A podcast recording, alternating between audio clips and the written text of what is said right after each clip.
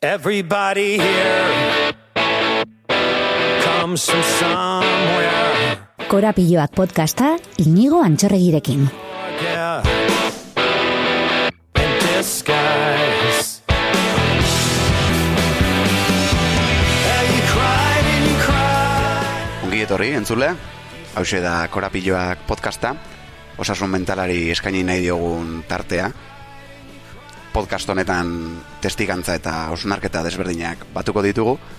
Eta, ba bueno, gaurko saioan gonbidatu itzela, eseri da nire alboan, eta mikrofonoa jarrita dauka dagoeneko. Pelota izan nahi gabe, baina, tira, esan daiteke, euskal musikako hautsik ederrenetako bat dela. Ea, ea ezagutzen duzuen, ea? A ber, kaixo? Kaixo, nortzea? mm, eh, Sara, Ongi etorri, Sara, zurza. Eixo, mi esker.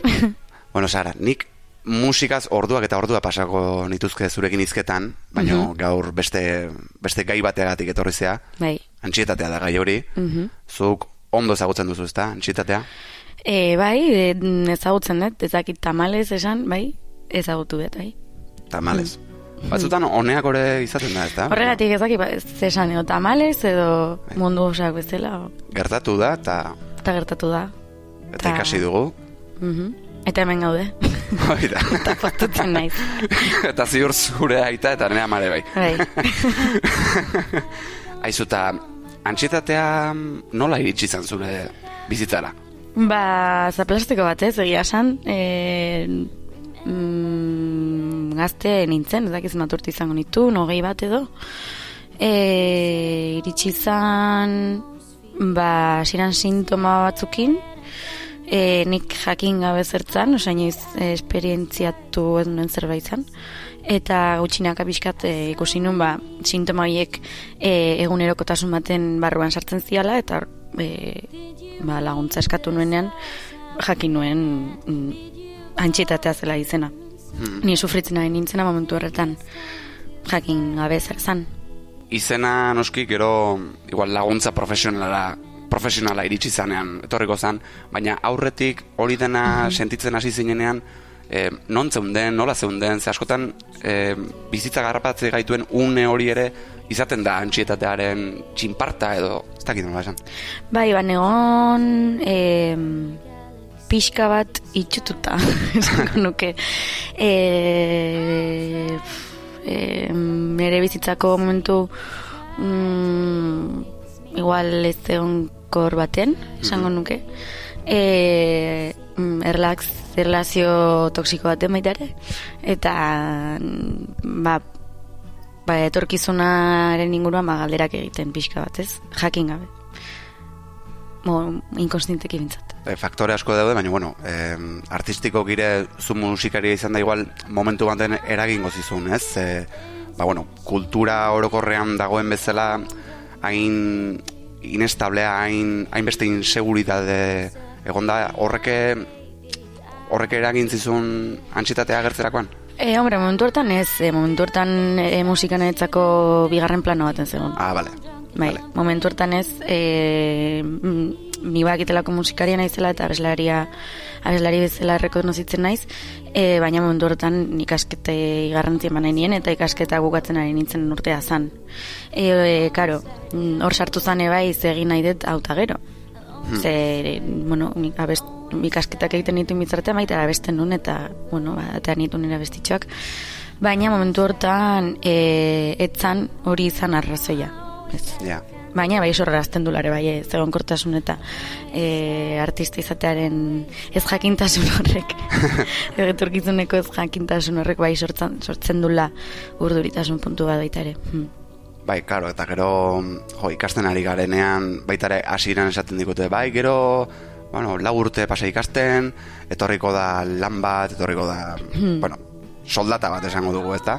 Baina egia da batzutan ikasketak amaitzen zoazen einia eta kontu hartzen ari zarenean e, re- errealitatea beste bat dela, hori izan zen igual errealitatearen zaplasteko handiena edo Bai, a ber, pff, eske ez dakit e, ziur, oza, ez dakit ze izan zan. Nik uste izan zela dena.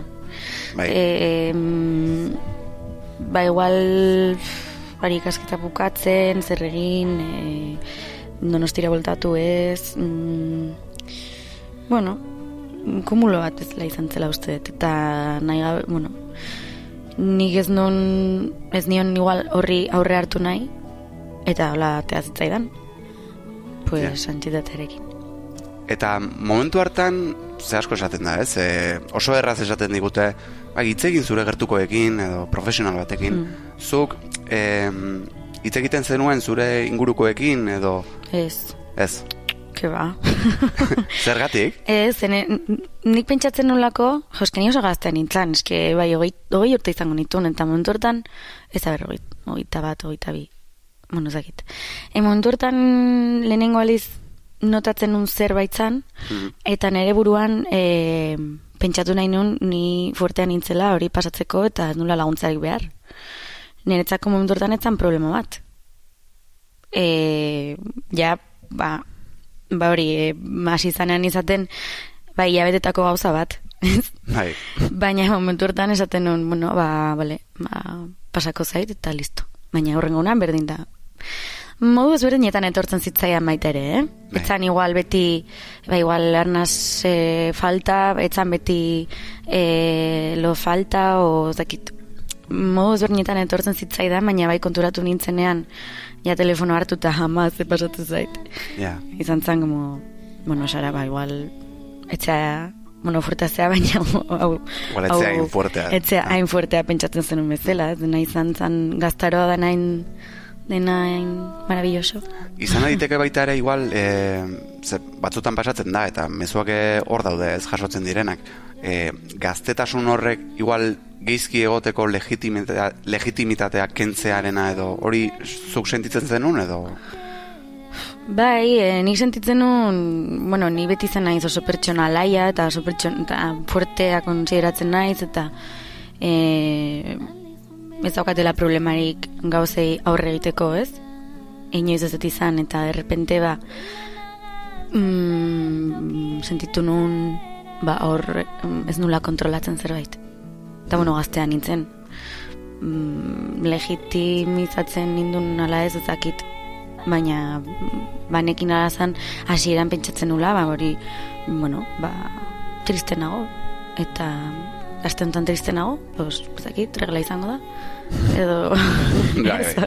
eta ja ikustezunean, ba, bueno, hilabete batzun, mm, hilabete batzutan, ba, ja planteatu zehala, ea, mm, pues, ea pozik bizitzean edo ez, eta ea bultatuko zean pozik, bueno, pozik egotera, bai. ez hor bat problema badago.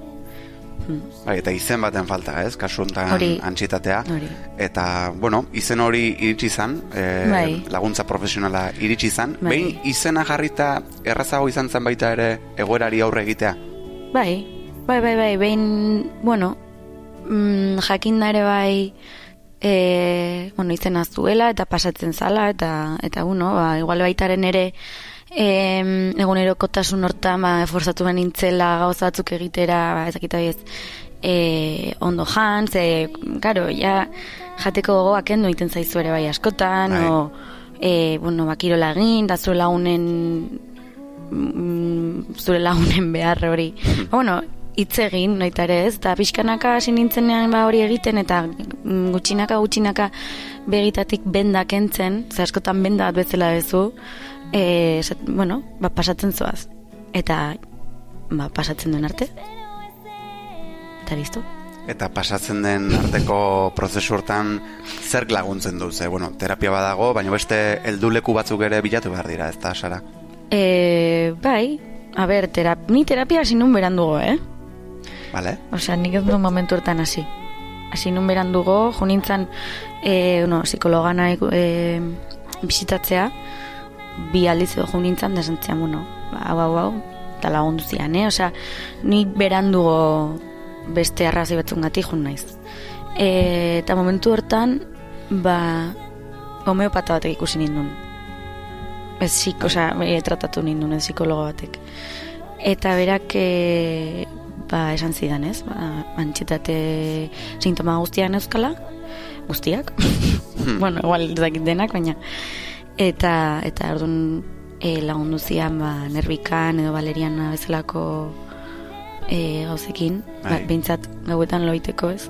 Eta ni, ni beti izan naiz medizina tradizionalan oso kontrakoa, bueno, hartu behar denen hartu behar da, baina etzai gustatzen hartzea, eta Bai. Bueno, ba, homeopatiak ondo intzian, baita ere e, konturatzea, ez? Eta izena jartzea, eta amari, adibidez, dei horrekin ja, ba, zure gurasoak bakite zerbait dagoela zurekin, ez? Eta orduan, normalizazio bide baten sartzea lagundu zian, bai.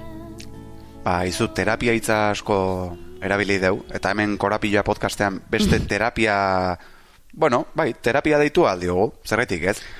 Atal bat daukagu, pixkat kalean isiltze, isiltzen ditugunak hemen lasai botatzeko, eta kareta hause da. Eona isilik! Hoxe da, hoxe da, kareta, eona isilik, askotan oso gutxi erabiltzen dugun esaldia. Inoiz, gehatu zea eona isilik bat botatzeko gogoakin? Bai, jo, eh, askotan egunero esango nioke norbaiti Ba, ez da. nahi isilik. Bueno, ba, ni, bueno, aurretik lanak ondo egin ditut, eta bi esaldi bildu ditut, eta horietako bat entzungo dugu, bale? Bai. Antxietatea horiek txorakeriak dira. Zer antzute zaio horri? Ba, ziurrenik berak ere pasadula, eta... Eta ez da la kontua du, igual. Eta la kontua. Txerakeria, ba, oso maskulinoa dela. Bai, Gizona, bai. ados nao. Ados nao. A ber, bigarren esaldia zer iruditzen zaigun. Baina nola etxea zoazela? Larun bat data. E, antxetatea agendan kokatu alko baliz bezala, ez? Hori Eh, rekonozitzen dut, bai. Gehiago. e, bai, jo, hori eske... em, tema zaila da, ez? E, esatezu, karo, zu antxitatea zaudenean edo zaudenean ondo hori sufritzen nahi zanen sintomaren bat antxitatean ingurukoa eta asteburua denean. eta dazkazu bi, bi aukera. Edo ez diozu buelta ematen eta itxazoaz, Bai, o kristun zepel hartzen duzu eta jarritzen duzu, baina horren egunean, ba bueno, ba, kontuatzea zehaz dela pasa. hori da. E, eta larun bata den hori niri izan diaten izan behin, bai. bai, eta esan nuke hori isiltzeko, pixkat. Igual ulertu beharko lukete ez, te, ez tegula aukeratzen, ez? Noiz datorren. Hori, hori, guk ez Eh, dugu aukeratzen, eta jo, nik askotan gertatu zaitenean basan dete. A ber, baina sin naiz lehenengoa ez dutena e, gaizki egon nahi larun bat gau baten, da e, zuekin ondo pasa, baina eske ezin dut, oza, momentu honetan, da. gerozta gehiago esan gaina hau, gerozta gogo gutxi gokikoet. Bai, bai. Psikologo Feliziano bati irakurri nion, depresioan kasuan itzitezun, eh? Baina esatezun, e, egin behar duzuna da, depresioan bazaude, pixkat, agenda bat markatu. Hau da, e, goizeko zortzitatik amarretara deprimitu da egon, egongo naiz. Eta gero ja, ondo egongo naiz e, nire lanak eta nire zereginak egiteko. Esatezuna, eona isilik. Ez? Bai, Eta bai. iruditzen? Ba, ez ez, bueno, ez ez aukeratzen, ez tare ez, ni, nizaden gaizki edo Hmm. ondo, bai indezakizuna saiatu bulta ematen, baina, bueno, ba, larun baten etxea jone baldin maezu ez ezulako jende zinguratuta egon nahi, ba, ez dut egon nahi, eta etxazoaz. Bai, ez dela, ez dela mm, soso batzu garela edo Hmm. erderaz asko esaten dena kortarroios, ez dela hori. Nahi gertatu zait, antxitate aukietenean, kao, ni normalen, ba, bueno, gustatzen zait bote batzuk hartzalen Eta orduan, ba, arraroa da, e, Bizka kontraproduzentea ere bai ez. Zenei alkolak adibidez sekuloko ansietatea ematit. ah, niri ez, eh? Ez? Duz, ni... Ze suertea. ni, keba, keba ez, niri ez, baina badakitelako Osa, ni baina adibidez ez nago lantxitatea sufritzen edo mm, badakit ondo egon naitekela ez, inguru horretan. E, agobiatzen naizenean, ba, bakit, bueno, ba, agobiatuta nagoela eta etxea noa. Listo. Baina antxitatea, alkolak, hombre, antxitatea kentzeko ez da gauza berena, eh? Ez, ez. Ez, ez da habito berena. Ziurtatu dezakegu hori. Orduan hori esaten detena ez, askotan gorputzari kaso inbartzaiola, eta, eta ez fortzatu. Ze, egia da, ba, gauak eta alkola ez dela oberena hori antxetati horri aurre egiteko. Hmm. Eta guantxe bertan, esan dezagun, norbait guri entzuten ari balitz, ari da pixkat ezagutzen, ez? Ze sintoma dauden, zerk ez duen laguntzen, zer laguntzen du esatea zaila da, ze pertsona bakoitza kasu desberdin bada, baina zer esango zenioke pertsona horri, ze, ze aholku emango zenizkioke? E, mm, hmm. Zaila galdera, eh? Ze aholku pertsona bat baldin badago entzuten eta Eta antxietatea Tan- pairatzen ari bada. Ba lasai egoteko e, pasatzen dala. Eta askotan ba, buruan dozkan gauzak ez diala realak. Ez diala errealak eta laguntza bilatzeko. Eta lasai egoteko batez ere. Ez dela betirako. Bueno, zentzu batean ez da betirako ez. Eta musika entzuteko adibidez. Bai, bai, joe, bai, bai, bai. E, batez ere, ba, bueno, ba, gorputzak esaten, eskatzen diona egiteko, eta laguntza bilatzeko. Ez dala, e, neukiko duen inbertxeriko bena izango dala. Hoi.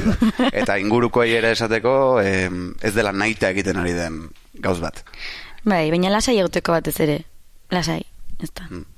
Musika ipatu dut, ze ez dut guztiz ahaztu nahi el- elkarrizketa honetan, ze zuretzat musika izan da baita ere terapia egiteko modu bat. Bai, askotan, bai. Ze batzutan sormen prozesuak ere egoten dira antxietatearekin inguratuta, ez? Baina zure kasuan ez da, ez da horrela izan. E, ez, a ber, em, nik musika egiten detenean beti da arrazoi batengatik. Mm, Nahi izan izan, abesti bat bakarri daukat horren inguruan, baina gero, ba, zakit, e, mm, maserre zaudela, abesti bat atetzen zaizu, zerbait idati da, e, mutilarekin edo neskarekin utzi dezula, ba, bueno, ba, ba beste abesti bat. Osa, beti da zergatik.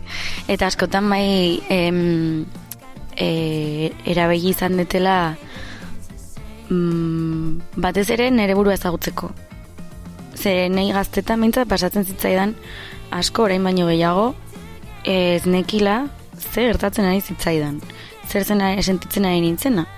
Eta hori da didez emozioak e, gestionatzeko gabezi bat dagolako gure hezkuntzan ba, izugarria. Eta behintzat nik baneukan erraminta hori musika zana. Eta musika egiten hasten nintzenean konturatzen nintzela. Ba, beste batzuk beste erramintaren bat eukiko zuten, o espero eukitzea. Baina, mm, bai, e, musika bai da, bueno, arte guztiak bezala, ez? Azkenean, e, emozioak eta zerbait sentiarazteko erabiltzen den zerbait da. Hori da. Hmm. Gero oso desberdina da musika sortzea zure etxean, zure estudioan, Hmm. edo musika hori jende aurrean, ez? E, holtza baten gainean erakustea eta Bai. abestea. Holtza gainean zer moduz menperatzen duzu antxietatea? Agertzen da, e, ondo kontrolatzen duzu, nolakoa da sara azurza holtza gainean? Bueno, fase ezberdinak izan ditu. Bai. e, oza, ni musikan nahiko gazte hasi nintzen. Em, jakin gabe musikari izan nahi nula, da bezlari izan nahi nula, eh? egiten nun egiten nulako eta gustatzen zitzaidalako. E, eta hasieran oso gaizki, oso urduri jartzen nintzen, oso urduri. E, gero beti ateatzen zen, baina oso urduri. Karo, hau esate dizut ama urteko sara baten bat holtzan Bai. jartzen zen. Oain, hamar urte ondoren, ba, beste gauza bada, e, eldutzen zoazen einean, ba, konturatzen zea, bueno, gauzak ikasten zoaz, eta konturatzen zea nahi ezunaz. Eta ingo antxetatea, o, ingo urduritasun hori sanoa da, nik sentitzen dutena Bai. holtza gainean, ez da, ez da urduritasun txar bat. Eta, bueno, ba, ikasi dut, e, urduritasun txar horretik pasatzen, bueno, disfrutatzera, ez? Bai. Hmm. Eta disfruta araztera, ze aipatu duzu, kantu bat egin zenion augustiari, antxietateari, ez Bai. oildu. Bai, Ez nengoen aztuta, baina elkarrizketa bukatzen eginen eta nik ondo bukatu nahi nuen. Ez oildu entzunez utziko zaituzte, hori bai, baina entzuten hasi aurretik, ze suposatu du zuretzat ez oildu, ez bakarrik zuretzat sara bezala, baita e, jendeak eman dizun aldetik ere, ze, ze, zer da ez oildu sara azurzarentzat? Ba, niretzako ausar, e, pf, Sara ausarta. Goratzen naiz Sara momentuan, da esan, pf, ez dakit. Esaten nuen, esango, eh? ez dut esango, jarriko ez egati den. Eta esan nuen, venga, mm, niretzako ausardi puntu bat dauka, ez? Delako azkenan nire gauza pertsonel, pertsonalenetako bat, e, bueno, ba, jendeari jakinaraztea, e, normalizazio eta modu, bueno, normalizazio bide bat irekin nahian.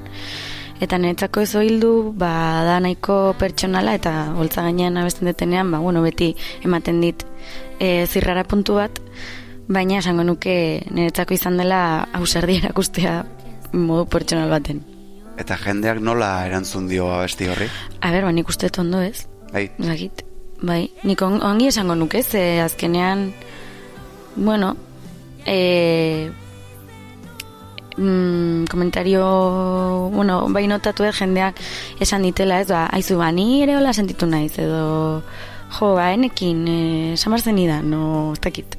Nik uste dut orokorrean ondo. ba, zeitik ez dugu egiten lehen esan dudana. Utziko ditugu gure entzuleak ez oildu abestiarekin Mhm, eta hemen agurtuko dugu saioa. Bale, Ondo iruditzen? oso ondo. Ba, Sara, zurza, eskerrik asko, zure Zuri. bisitagatik. E, gustatu zait, Sara ausarta ezagutzea. Eta, bueno, entzule, ba, urrengo astean beste atal bat izango duzue korapilloa podcastaren barruan. Eskerrik asko, agur. Agur.